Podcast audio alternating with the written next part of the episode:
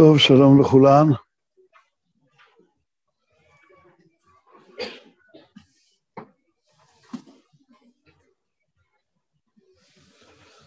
אני רוצה היום uh, להתחיל, ודאי לא נגמור, ללמוד uh, מאמר של uh, רבנו הרב ציודה על הכותל.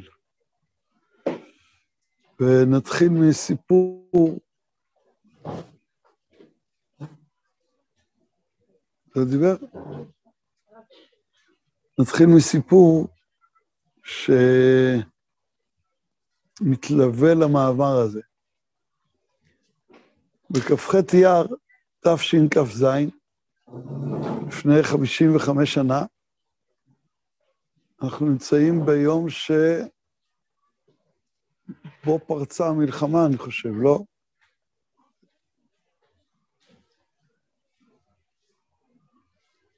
לא, אולי מחר. ובכ"ח אייר, תשכ"ז, הרב ציודה מספר שהיה לו חלום. מה החלום שהיה לו? מרן הרב זצ"ל היה מתגלה הרבה פעמים, מרן הרב זצ"ל היה מתגלה הרבה פעמים בחלום רבנו הרב ציודה, והיו דנים ביחד על הנהגת הישיבה, וזה היה כנראה דבר אה, לא חד פעמי, היה דברים כאלה. וגם בכ"ח אייר, לפני 55 שנה, מרן הרב זצ"ל התגלה בחלום לרב ציודה, אבל בשינוי. בדרך כלל, הרב זצ"ל התגלה אליו כזקן ויושב בישיבה. ובכ"ח אייר הוא התגלה אליו כגיבור ואיש מלחמה. זה התיאור שהרב ציודה מתאר. והוא פנה אליו, אני מצטט, אני כמובן לא אבל אמר צבי יהודה, תקום ותמתין. אז הרב ציודה קם, כמובן נטל ידיים, כל מה שצריך, והמתין. עד שהגיע קומנדקר צבאי, ששלח הרב גורן מהכותל המערבי להביא את חותנו, הרב הנזיר, חותנו של הרב גורן, ואת הרב ציודה, שהיו חברים מאוד מאוד קרובים וגם גרים לא רחוק זה מזה. והנונון, הקומנדקר, לקח את שניהם ונסע והביא אותם אל הכותל. בדרך עוד הייתה מלחמה ושרקו הרבה כדורים, והרב ציודה אומר שהעולם אומרים שלכל כדור יש כתובת. ואז הוא היה מחייך ואומר, אנחנו לא היינו כתובת. הגיעו בשלום לכותל, ופגש אותו שם אחד החיילים שכבש את הכותל מהצנחנים, ושהיה משורר בטבעו. נראה לי שקראו לו גימזו, אולי רוני, אולי שם אחר. ובעקבות המפגש הזה, הוא כתב את השיר "הכותל, אזור ועצבת". ויש שם בית, עמד הישיש מול הכותל. הבית הזה הוא בעצם הבסיס של כל השיר הזה. הישיש, הלא הוא רבנו הרב ציודה, והוא אה, היה אז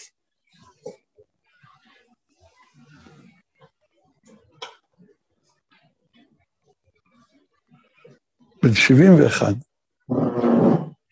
ואז בן 71, וכשסיפרו לו את התואר שהוא קיבל, אז הוא דפק בעוז על השולחן ואמר, אני לא ישיש.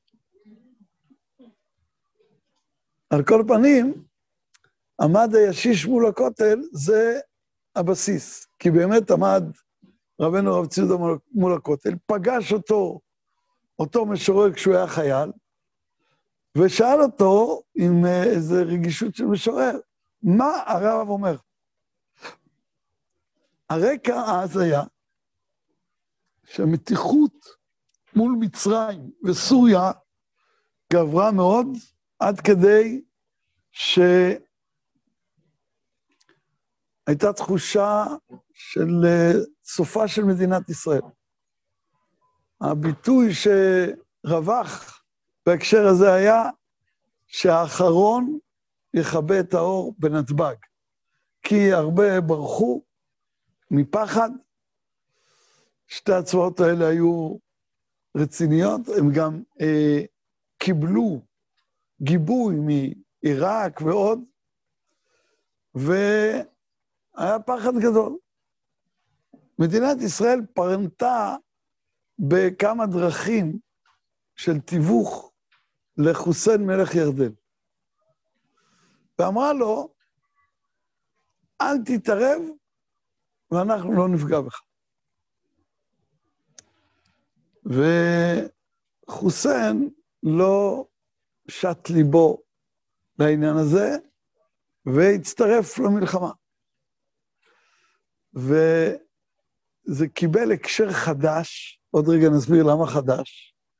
למילים, יש אנשים עם לב של אבן. ועל הכותל, הרב צבי אמר, יש אבנים עם לב אדם. שזה המשפט המרכזי, הבית של השיר הזה, אה, הכותל אזור העצרת. יש אנשים עם לב של אבן, ויש אבנים עם לב אדם, זה מילים של הרב ציודה. הוא כתב אותם הרבה קודם, 30 שנה קודם, במאמר על הכותל, בוויכוח עם אחד העם. וכששאל אותו, אותו משורר, מה הרב אומר, אז הוא חזר על הביטוי הזה. וזה תפס את uh, מחשבותיו של המשורר וכתב את השיר. אחר כך, הרב ציודה הנהיג את מעשה ההתנחלות, את גוש אמונים, הוא היה הדוחף המרכזי, ו...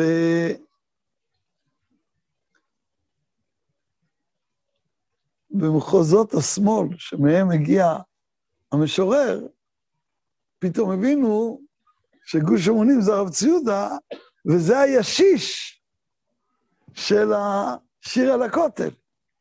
ואז בזמירונים של השמאל, אפשר לראות את זה בקלות ברשת, בזמירונים של השמאל, הם השמיטו את הבית של עמד הישיש.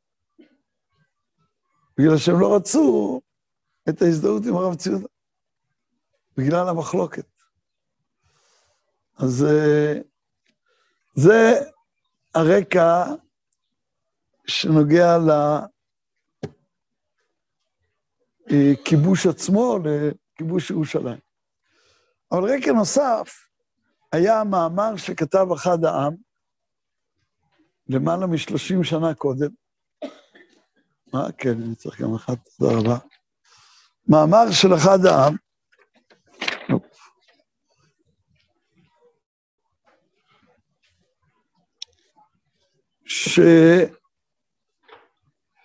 שבביקור בארץ הוא הלך לכותל, הוא ראה מה שכתוב, מה שקורה שם, והוא קרא לו אה, כותל הדמעות,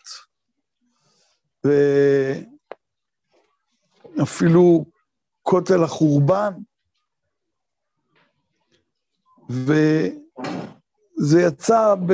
על פרשת דרכים של אחד העם, שזה כותל החורבן והדמעות, או הדמעות והחורבן, או משהו סביב העניין הזה.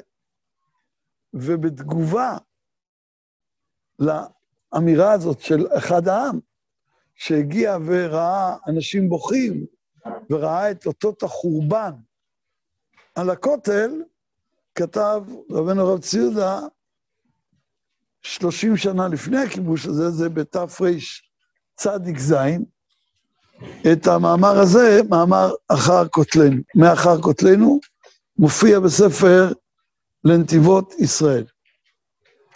אז אני רוצה אה, לנסות אה, לראות אותו. אני מניח שלא נספיק את כולו, נספיק רק חלקו, ואולי אפילו חלקו הקטן. נתחיל ונראה.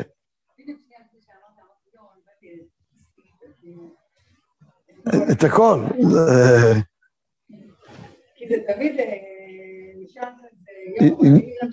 עם טעם של עוד, עם טעם של עוד. עם טעם של עוד. אה, יש באיזה מקומות אה, קלטות עם, אה, עם שיעורים שלי על הכל, אבל זה לוקח כמה שעות בדרך כלל. תלוי כמה נחה עליי הרוח. אז רק תראו בעמוד ל', העמוד השני, יש שם מובאה מוכנסת, ושם הרב ציודה כותב בלשון קצת אחרת את מה שאחר כך אני לא יודע מי ליטש את זה, רב ציודה בעצמו, או אותו משורר, אבל זה קרוב, הדברים, יש לבבות ויש לבבות. יש ליבות אדם ויש ליבות אבנים. ויש אבנים ויש אבנים. יש אבני דומה ויש אבנים לבבות. ו...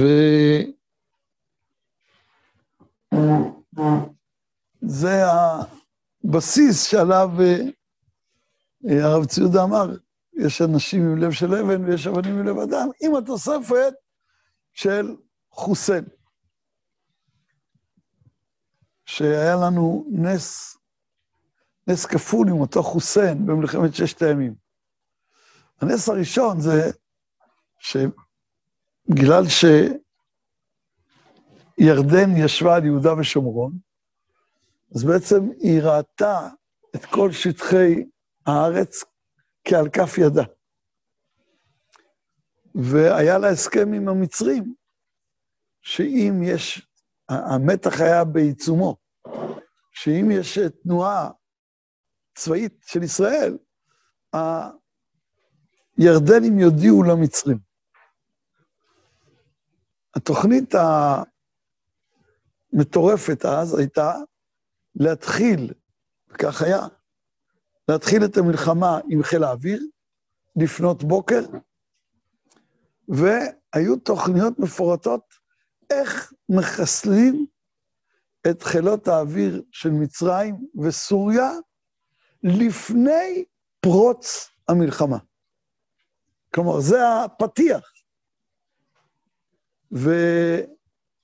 ירדן שחששה לא מדבר כל כך מטורף, שלא היה כדוגמתו בתולדות המלחמות, פוטין רצה לעשות משהו קצת דומה באוקראינה, ואנחנו יודעים איפה הוא נמצא אה, שלושה חודשים, עוד מעט אחרי אה, פרוץ המלחמה, ואיפה הוא נמצא.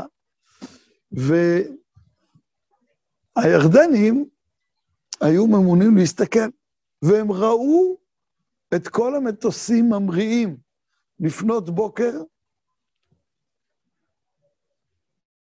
חלקם הגדול נסע למצרים וחלק נסע לסוריה, ובהצלחה פלאית ממש חיסלו את כל חילות האוויר, וזה היה אה, מלחמה כשרק לצד אחד יש חיל האוויר, והוא עשה את עבודתו.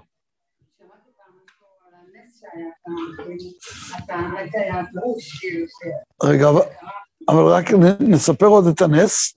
הנס הוא שלילה קודם, בגלל שבמלחמה, בערב מלחמה, כל הזמן אתה חושש ממודיעין שיגלה מה שיש לך, המצרים החליפו את הקוד של הקשר שלהם ושכחו לעדכן את הירדנים. ולכן הירדנים כל הזמן שידרו בקוד הקודם, שכל המטוסים המריאו, הם בכיוון אליכם, אבל המצרים לא קלטו את זה. בגלל שהם החליפו ערב קודם את הקוד של הקשר. ושכחו, מישהו שכח שמה לעדכן את הירדן. פשוט uh, יד השם. והנס השני זה שירדן, בגלל שהיא הייתה, היא ישבה על מרכז ארץ ישראל, ובקלות היא הייתה יכולה לחצות את ישראל לשתיים. כלומר, עם חיל חלוץ שכובש עד החוף באזור נתניה, או אשקלון או אשדוד, הם יכלו לחצות את ישראל לשתיים, מה שהיה יוצר בלאגן נוראי. והם הצטרפו למלחמה, נס גדול שלנו, וזכינו לכבוש את יהודה ושומרון, ליבה של ארץ ישראל. אז עכשיו בואו נחזור, ושוב הרקע המרכזי של המאמר הזה, זה מאמר של אחד העם על כותל הנהי, הבכי והחורבן. והאשפתות. לא יודע אם אתם יודעות, אבל הכותל היה מלא באשפה, ערימות אה, ממש אה, לכמעט כל גובהו. והיה צריך לפנות את זה. אחד העם, נדמה לי, הגיע כשעוד היה, המצב היה מלא אשפתות. את המפתחות של הר הבית, משה דיין בעיוורונו, שייצג את העיוורון שכולם היו בו, מסר חזרה לוואקף, מה שעד היום אנחנו סובלים מזה, כולל כל האיומים עכשיו, וכל הבלאגן עכשיו, אה, זה בגלל שנתנו להם במתנה, הם לא העלו על דעתם חזרה את כל המפתחות להר הבית. אולי יד השם הייתה בעניין הזה כדי שאנחנו לא נעלה לשם. רוב אה, גדול וה... גדול גם במניין וגם בחוכמה של חכמי ישראל, סבור שלא לעלות להר הבית. ו... רגע, רגע, רגע. יש, יש עוד הרבה, אם את רוצה שנספיק, אז ודאי... אה, אז נחזור. אז... אה, אבל באותה מלחמה, דבר אחד ייזכר לטובה, וזה שהיה להם את האומץ. מיד בתום הכיבוש, היה אז, כל הרוחב של הכותל היה כמו ממני עד לשולחן הראשון. זה היה רחבת הכותל. והערבים היו עוברים שם בכוונה עם חמורים עם שני סלים גדולים. כך שאתה נדבק לקיר ועדיין זה שורט אותך.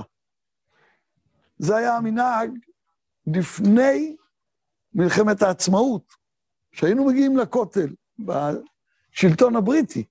זה היה רחבה צרה, והם היו הולכים בכוונה דרך שם עם חמורים, עם שני סלים גדולים, זה היה חלק מהחיכוך התמידי.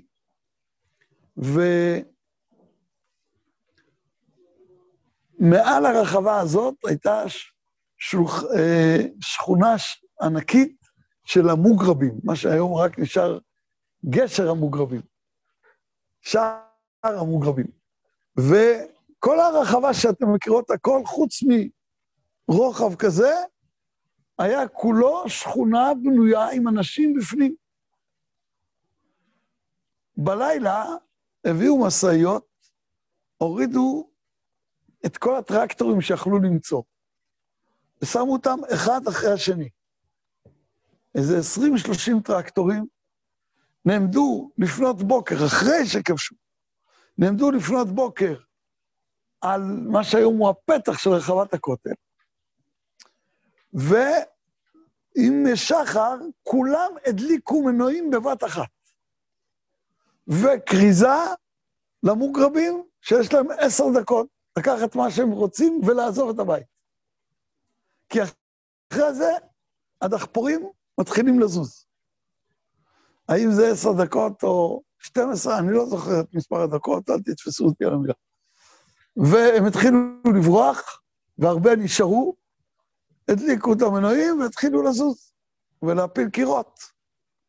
ואז כולם ברחו, ואת כל מה שהיום הרחבה של השכונה ענקית עם הרבה מאוד אנשים, ניקו במכה אחת. היום אה, מה היה העולם אומר, זו שאלה מאוד מעניינת, אבל האם היה לנו את האומץ לעשות את זה היום, זו שאלה לכאורה יותר מעניינת. על כל פנים, אז היה את האומץ לעשות את זה, ויש לנו היום את רחבת הכותל אה, לכל אה, רוחבה, ברוך השם. טוב, הקדמות, הקדמות, צריך גם ללמוד. עדות אם לבאי עולם.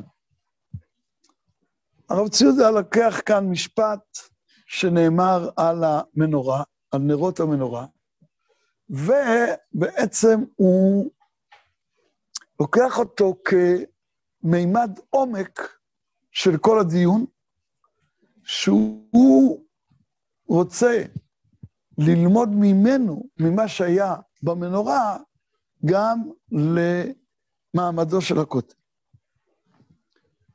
כמו ישראל, בנפשות, באדם, שרבנו רבי יהודה הלוי אומר, לב באיברים, הנקודה הפנימית, הנשמה של כל הפריפריה האנושית, כן הכותל בעולם, כלומר במימד המקום, בארץ. אין הכוונה בארץ, בארץ ישראל דווקא נראה לי, אלא בכל הגלובוס. זה הלב, זאת הנשמה הפנימית,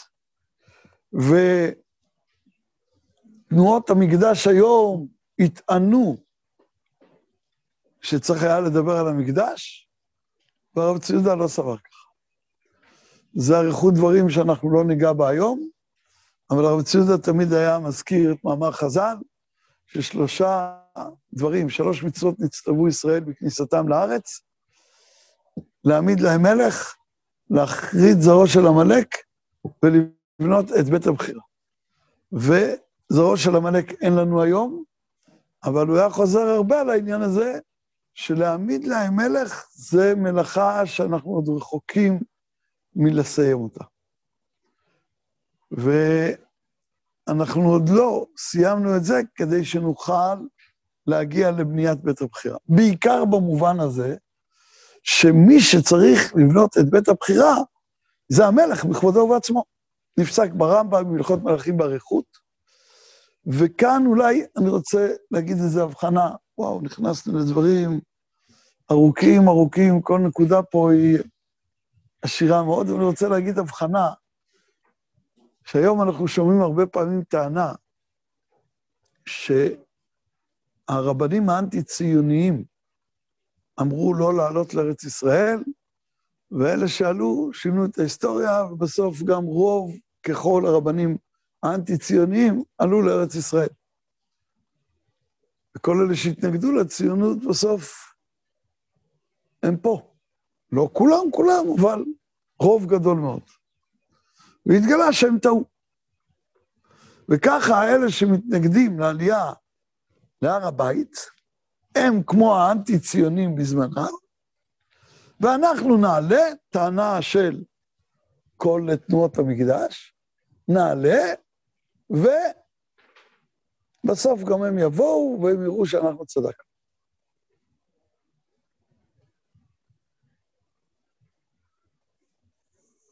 מה תשובתנו לעניין הזה? אז פעם כתבתי על זה מאמר ארוך, אני לא אאריך עכשיו, רק אני אגיד נקודה אחת, היא חשובה מאוד לעניין פה. יש הבדל עצום בין מצוות ארץ ישראל למצוות בניית בית הבחירה. ואני רוצה לגעת בשתי נקודות. האחת זה שעל ארץ ישראל אין שום מצוות מורה. אין חובה להיות ביראה מיוחדת כלפי ארץ ישראל. למרות שכיוון ששורה בה שכינה, יש בה קדושה, אז מטבע הדברים ראוי כך שיהיה, באיזושהי מידה. אבל בדרך כלל, כלפי ארץ ישראל דווקא אנחנו נוקטים הרבה יותר באהבה, בכיסופים. כשבאו החכמים לארץ ישראל היו מנשקים כיפי דעכו. אבל לגבי המקדש, זה לא ככה. במקדש יש מצוות מורה, והיא מצווה מרכזית מאוד, שכל הלכות הטהרה, שהן תנאי בכלל לכניסה, הם ההשלכה של מורה מקדש. כי ארץ ישראל זה ביתם של ישראל, ובית המקדש זה ביתו של השם. ומי שמשווה ביניהם הוא לא צודק בהשוואה. והדבר השני, שהוא קשור לזה, זה שלכן ארץ ישראל, אם אתה בונה בבית לבד, אפילו תחת שלטון טורקי או בריטי, קיימת מצוות יישוב ארץ ישראל של הבית הזה. ואתה לא השליט, ויכול להיות שהשליט יעיף אותך עוד רגע מהבית, אבל קנית, כרגע זה שלך עד שהוא לא יעיף אותך. זה מצוות יישוב ארץ ישראל. וכל אחד יכול להיות שותף שם, במעט או במרובה. אבל הר הבית הוא לא מצווה של איש פרטי. יש לזה דוגמה הלכתית נפלאה, שכשאנחנו מקריבים קורבן ציבור, קורבן התמיד, אדם לא יכול להתנדב קורבן התמיד. למה? כי זה לא קורבן של אדם פרטי, זה צריך להיות של הציבור. ושמא לא יכוון יפה יפה. כלומר, שמא הוא לא ישחרר וימסור את זה לציבור לגמרי. והוא עדיין ירגיש, זה שני. ואז זה לא קורבן ציבור. ובקורבנות ובמקדש, מי הממונה לבנות את המקדש? לא כל יחיד ויחיד, האומה. ולכן קודם צריך להעמיד מלך, ואחרי זה לבנות את בית המקדש. והמלך הוא בונה המקדש, בשם, לא בשם עצמו. אם אני בונה בשם עצמי בית, באיזה מקום בארץ ישראל, עשיתי את שלי. אבל אם אני רוצה לבנות את בית המקדש, זה צריך להיות מעשה לאומי. זה בכלל לא אותו סוג מצווה. ולכן צריך קודם להעמיד מלך, ולהעמיד מלך עד כדי שיהיה מלך כזה שרוצה, ובסוף גם פועל את בניית המקדש. וזה הבדל עצום בין בית ישראל לבית השם. הם לא דומים. ברוך אתה, אדוני, פרים לך עולם, שהכל נהיה בדברו. אז מקום השראת השכינה הוא הלב של הכל. שלכן זה נקרא אבן השתייה שממנה הושתת העולם. עכשיו הרב, לא כדאי, לא כדאי לך. לא כדאי לאף אחד. מה, מה נספיק? תראה, מה... עד עכשיו יותר מחצי מהזמן הספקנו שתי שורות. בואו נרוץ. חסון ותקיף. כלומר, בא אחד העם, רואה אנשים בוכים, רואה אשפתות, רואה חורבן. אומר לו הרב ציודה, אתה לא יודע להסתכל. אתה לא רואה. אתה יודע מה יש לפנינו? אני אסביר לך. אנחנו רואים כותל שהוא חסון ותקיף. ועוד מעט הוא יסביר שחסון ותקיף הכוונה, אלפיים שנה, כמה מלחמות היו פה, כמה מלכים. מה? לא, לא, לא, תבדקי בגוגל. גוגל אחר כך. וכל המלחמות וכל מה שעבר עליו, הוא נשאר חסון ותקיף. את בית המקדש מחריבים, והוא לא נחרב. ממלאים אותו אשפתות, והוא לא זז ממקומו. ובאמת, כשאנחנו מגיעים היום לכותל, החוויה היא הרבה יותר כמו שאמר עכשיו צוד אומר. בייחוד ש...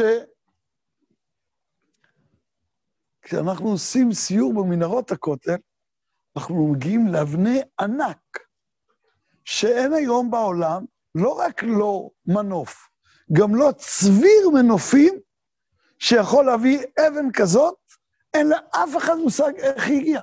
כי לנו אין טכנולוגיות שיכולות להביא אבנים כל כך גדולות. וזה פלא איך בימי קדם הצליחו לבנות כותל כזה. אבל החוויה הפשוטה שלנו זה שאנחנו עוברים לפני משהו חסון ותקיף ומלא עוצמה. והרב ציודה אומר, מאיפה הוא מקבל את העוצמה שלו? בכוחו האיתנים לאלוקיו. יש כאן, ובעצם הרב ציודה מתרגם את העדות לבאי עולם, עם עוד מימרה שהוא יביא בהמשך, אנחנו לא נגיע לשם אז כבר נקדים אותה, שהיא מאוד מאוד מרכזית ברקע של כל המאמר, וזה ששכינה לא זזה מכותל המערבי. ואף על פי שבאמת שכינה לא זזה מכותל המערבי, הכוונה לכותל המערבי של בית קודשי הקודשים, ולא לכותל המערבי הזה, אבל ישראל הצמידו את המילים כותל מערבי גם לכותל הזה, וזה איזו הקרנה והשלכה, והרב ציודה מתייחס לזה שבעצם עם ישראל ראה בכותל המערבי של ההר השתקפות של הכותל המערבי של בית קודשי הקודשים, ושכינה לא זזה לפי ההדרגה, כל אחד לפי מקומו, מבית מכותל המערבי. מהכותל המערבי של בית קודשי הקודשים היא לא זזה, ולכן אסור לנו להיכנס לשם. מהכותל המערבי הזה מותר לנו להיכנס בהרחבה שלפניו, אבל הוא גילוי אלוקי עליון. אז איך הוא חסון ותקיף? בכוחו האיתנים לאלוקיו. מחזיקו את עמדתו. יש פה תהליך שנקרא בעולם האנשה. האנשה זה לייחס לדומם, צומח חי, דמות אנושית. הכלנית שרה, כאילו היא בת אנוש. אבל הרב ציודה אחר כך אומר, אל תחשוב שזה האנשה לירית, פיוטית. לא, שם יש. וזה המשפט הכל כך מופלא הזה, שיש אבנים עם לב אדם. כלומר, זה אבנים, זה לא אנשה סתם, אנחנו מתכוונים ברצינות, כי כאן שורה שכינה. וכשם שיש נשמה בגוף וזה בן אדם, כך יש שכינה באבנים, וזה לב. מחזיקו את עמדתו. בכל חליפות התחלפות, מערכות הדורות וקורותיהם. מה לא עבר על המקום הזה? זה המקום עם המוטיבציות הכי גדולות למלחמות בעולם. דרך אגב, עד היום הזה.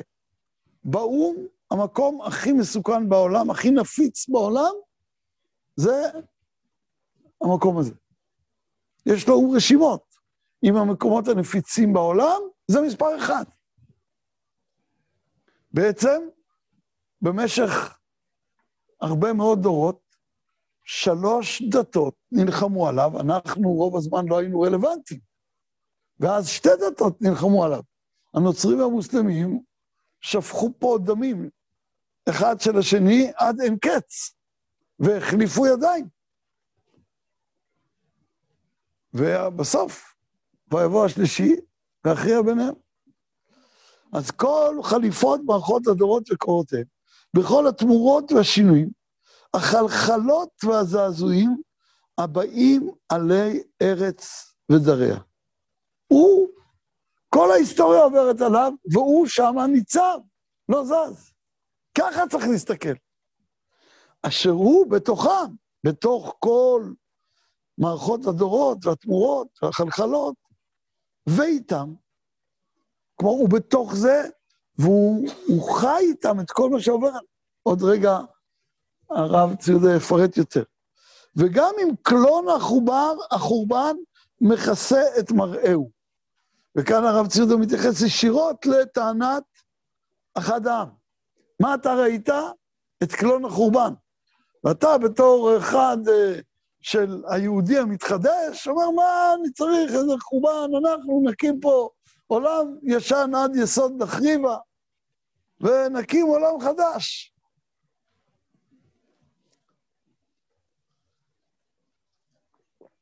הוא אומר, וגם אם קלון החורבן מכסה את מראהו, גם אם אותות ההרס בולטים מעל גביו, ועננות השיממון מאפילות את זוהרו, גם אם בסבכי מבואות אפלים ומטונפים נסתרו מעין רואים, זה מה שאמרנו. זו הייתה רחבה מאוד צרה, הכל בתים מסביב, מי שלא ידע איך ללכת, זה עוד סמטה. וסמטאות אפלים ומטונפים. אפלים כי זו הייתה שכונה מאוד גבוהה, מוגרבים. כלומר, היה את הכותל, ושכונת המונגרבים, שהייתה יותר נמוכה, אבל עדיין הייתה מאוד גבוהה מהרחבה, זו הייתה סמטה צרה, עם שני צדדים מאוד גבוהים, וחמורים שכל הזמן עוברים מצד לצד, ובעליהם משתדלים שאת הפסולת שלהם הם ישליכו שם. זה, זה מה שהיה.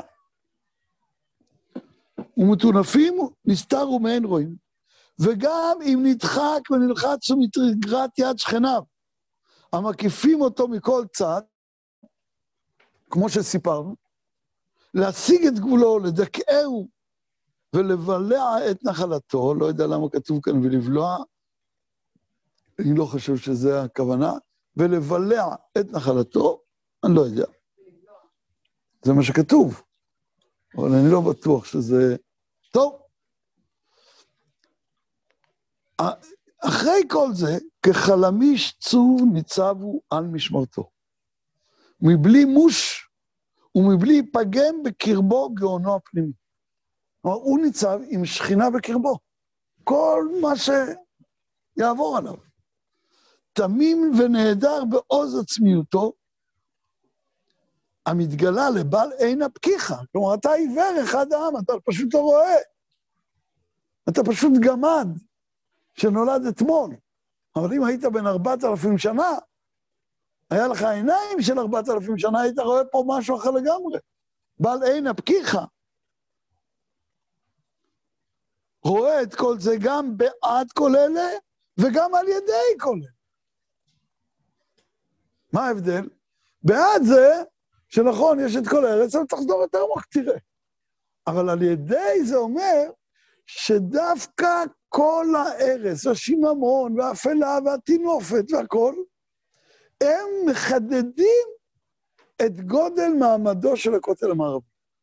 כי, הרב ציודה עוד רגע יסביר את זה באריכות, ובלשון באמת לא כל כך פשוטה, אבל יש פה המון רמזים אבל בעצם הטענה שלו זה שלבית המקדש יש שני צדדים. צד אחד, ש... צד אחד, ש... כשישראל עושים רצונו של מקום, שורה שכינה בגלוי ומאירה להם ולעולם כולו. וזה הבית הגדול והקדוש. אבל צד שני, שגם אם יהיה חורבן ונצא מהארץ ויעבר עלינו מה, ויבוא על הכותל ועל המקום הזה מלחמות וחורבנות ורדיפות, יש משהו שלא זז לעולם. והכותל המערבי, הוא מבטא את החלק הזה. הוא מבטא את הצד של העמידה, ואז ככל שעוברים עליו יותר הרפתקאות ויותר קשיים, ככה מתחדד עד כמה הוא מחזיק מעמד ולא זז, גם כשכל זה עובר עליו. נכון?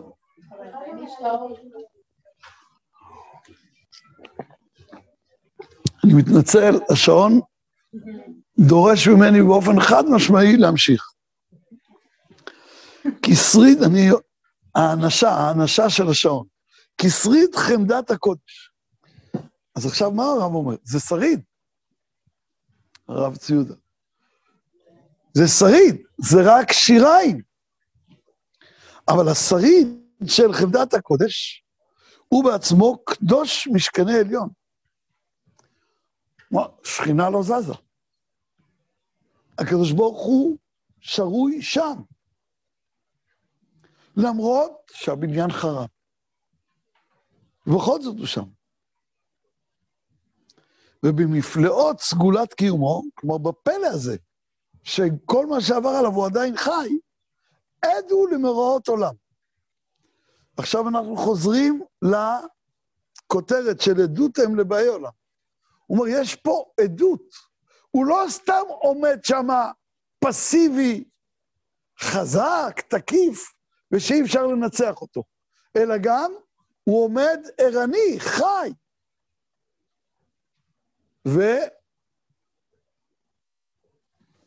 ומעיד. עד הוא למאורעות עולם. כלומר, הוא מסתכל על כל ההיסטוריה והוא מעיד עליה. ולקורות דורות של אלפי שנות תרבות האדם. כעד הלאומים, זה לא עומד הוא מהצד. הרבה פעמים עדות זה ראובן הלווה כסף לשמעון, ולוי עבד מהצד וראה את זה. הוא לא יותר גבוה מהם. אבל יש עדות במובן שהעדים מטרים בחוטא. אחד בא לעבור על מצוות השם, הוא רוצה לחלל שבת. עומדים שני עדים ואומרים לו, מה שאתה עושה עכשיו זה בוירר. אתה לוקח את העגבניות מתוך המלפפונים ורוצה לאכול רק את המלפפונים, אתה בורר פסולת מתוך האוכל, זה עונשו סקילה. אתה בורר, ועונשו סקילה. אז ההתראה הזאת של העדים זה לא לעמוד מהצד ולצלם את האירוע בזיכרונם ואחר כך להגיד אותו, אלא זה עמידה של עד שהוא בא בשם הצדק והיושר והתורה כנגד החטא. אז לכן הוא עומד על גביהם. הוא עומד בעמדה שמייצגת את השכינה מעל גבי מאורעות ההיסטוריה. כי עד הלאומים, שזה נאמר על ישראל, אין עד לאומים נתתיו, נגיד הוא מצווה לאומים. כלומר, יש לישראל תפקיד באומות. מה התפקיד שלו? זה לא רק לצלם את מה שעשו ולספר אחר כך, להלשין לקדוש ברוך הוא, אלא הוא עומד ומוסר להם את האמירה האלוקית, ונותן להם ציונים לכל אחד עד כמה הוא פוגם באמת האלוקית. זה עד הלאומים.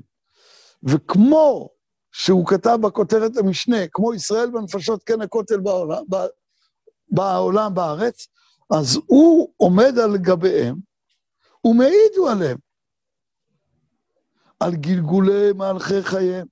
כלומר, הוא שורש ההיסטוריה, כאן אבן השתייה. אלא שאבן השתייה מצד הבית שלה היא באמת נחרבה, אבל מצד הפנייה שלה אל כל תקופת הגלות וכל תקופת החורבן, דרך איזה משקפיים היא מסתכלת על כל הגלות והחורבן? דרך המשקפיים של הכותל המערבי. זו תפיסה מופלאה בין. הרב ציודה עוד מעט... בואו נתקדם, אז אולי נספיק. על גלגולי מהלכי חייהם, על מקורות, כלומר, על כל ההתגלגלות, על מקורות זרמי רוחותיהם, איפה הכל מגיע? בראשית ברא אלוקים. ועל מוצאות, לאן זה יוצא? נתיבות פועליהם, שהכל מגיע בסוף למלך המשיח, שיהפוך כל העמים לקרוא שפה ברורה בשם השם. וכל הידיעה של העבר הגדול, של השראת השכינה בהווה ושל העתיד הגדול, את כל זה הכותל נושא בקרבו מצד השכינה שבו, ועם זה הוא מעיד על העמים, הוא מעיד ובהם. זה הרב ציודה, זה הפלא. כאילו, אתה אומר, הוא מעליהם, הוא מעיד עליהם, הוא מוכיח אותם כביכול. הוא אומר, כן, אבל הוא גם נותן להם את הערך, הוא רואה אותם כבעין חיובית, לא רק שלילית. הוא מעיד ובהם. במה? בזכות קיום חייהם. יש ערך לעולם הזה. אפילו בשעת החורבן, אפילו כשהגויים רודפים את ישראל, יש ערך. כי הגויים האלה, עם כל רשותם, התהפכו לקרוא שפה ברורה בשם השם. אז יש להם ערך. בערך תוכן רוחותיהם ובמעמד כוח פועליהם. כלומר, כל העתיד הגדול הוא גם על ידי מעשיהם של הגויים, שאת רשעותם אנחנו צריכים לגלות, וזה להעיד עליהם, אבל שטובתם ומעלתם והחלקים שמשותפים לבניית העתיד, אנחנו צריכים להעיד גם על הזכות הזאת. הרב צידו אומר, כל זה זה המבט שהכותל מביא לעולם, כמו שאבן השתייה. עליה מושתת כל העולם. יש לבבות ויש לבבות. יש ליבות אדם ויש ליבות אבנים. כלומר, יש אנשים שהם אבנים, אלה שאנחנו מעידים עליהם, על אכזריותם, על רשותם, על שפך דמם. ויש אבנים ויש אבנים. יש אבני דומה. מה זה דומה? דומה זה המלאך של המוות. לא המתים יהללויה, ולא כל יורדי דומה לקבר. יש מלאך אחד שנקרא דומה. אז יש אבני דומה, יש אבני מוות. למה הרב ציודה מתכוון באבני מוות? מצבה. נדמה לי, אם אני זוכר נכון, שאחד העם כתב שזה כמו מצבה, הכותל הוא כמו מצבה. כאילו, זה כמו לבוא לבית קברות ולראות את המצבה ולהגיד שזה אבן המוות. יש אבני דומה, ויש אבנים, לבבות, פועמים, שהחיים של כל העולם כולו בא מהם. הרב צוד עכשיו חוזר לכותרת המשנה. כמו ישראל, לב האומות, לב האדם, כן הארץ, ומקום קודשה בקרבה, לב העולם, וליבם של ישראל.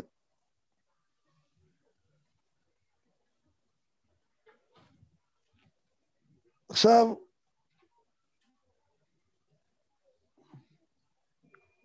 אני לא יודע מה, מה, נשאר לנו שתי דקות, מה עושים עכשיו? יש פה כל כך הרבה דברים. אז אני אגיד לכם נקודות. ממש בקיצור נמרץ נמרץ, שתי נקודות, ואת השאר אתם תנסו לדלות מפה. אחד זה שללב יש שלוש דרגות. דרגה ראשונה זה שהוא נותן חיים לכל האיברים. דרגה יותר עמוקה, שהוא סופג את כל החיים העכורים והמשומשים מכל האיברים חזרה אליו, שזה מעלה יותר עליונה. והדרגה השלישית זה שלמרות שהוא כאילו עושה את זה כפומפה, משאבה, שנותנת ויונקת, אבל אכפת לו. אין התקף לב, אין התקף ידיים, יש, אין התקף ריאות, אין התקף כבד, אין התקף ידיים, יש רק התקף לב. כי האיבר היחידי שאכפת לו זה הלב. וזה עומק העומקים שלו. והשכינה זה מקום האכפתיות. ולכן, כי מציון תצא תורה, מציון יוצא האור לכל העולם, וכל התפילות והקשיים והסבל של כל העולם מגיע, ושם זה המקום של האכפתיות להיטיב לעולם. וזה נושא אחד. ונושא שני, גם על קצה המזלג, זה שהרב ציודה אחר כך דורש את המילה כותל מערבי. מה זה מערב? זה מקום השקיעה. כאילו, בית המקדש שקע לתוך הכותל המערבי.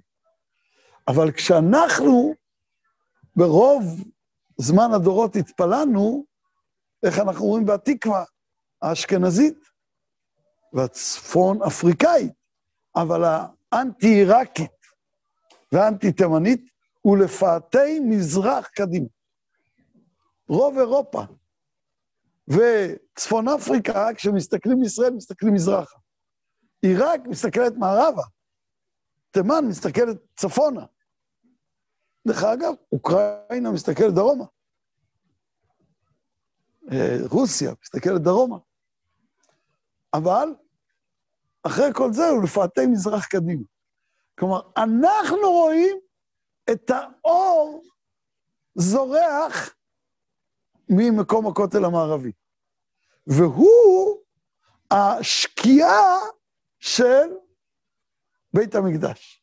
והשקיעה של בית המקדש מקדש, היא זו שנותנת לנו אור לכל הגלות. ויש פה משחק בין זריחה ושקיעה. ובעצם הוא אומר, גם אנחנו בדור הזה, כשמסתכלים על הכותל הזה, אנחנו נמצאים ברגע שבין שקיעה וזריחה. יש צד שאנחנו בעומק השקיעה, יש צד שעכשיו מתחילה זריחה. וכל הנושא הזה, הרב ציודה כאן שוזר אותו בכל התיאור שלו, מהו כותל, ויש פה עוד הרבה הרבה פרטים, אבל אין הזמן גרמה. יום ירושלים שמח.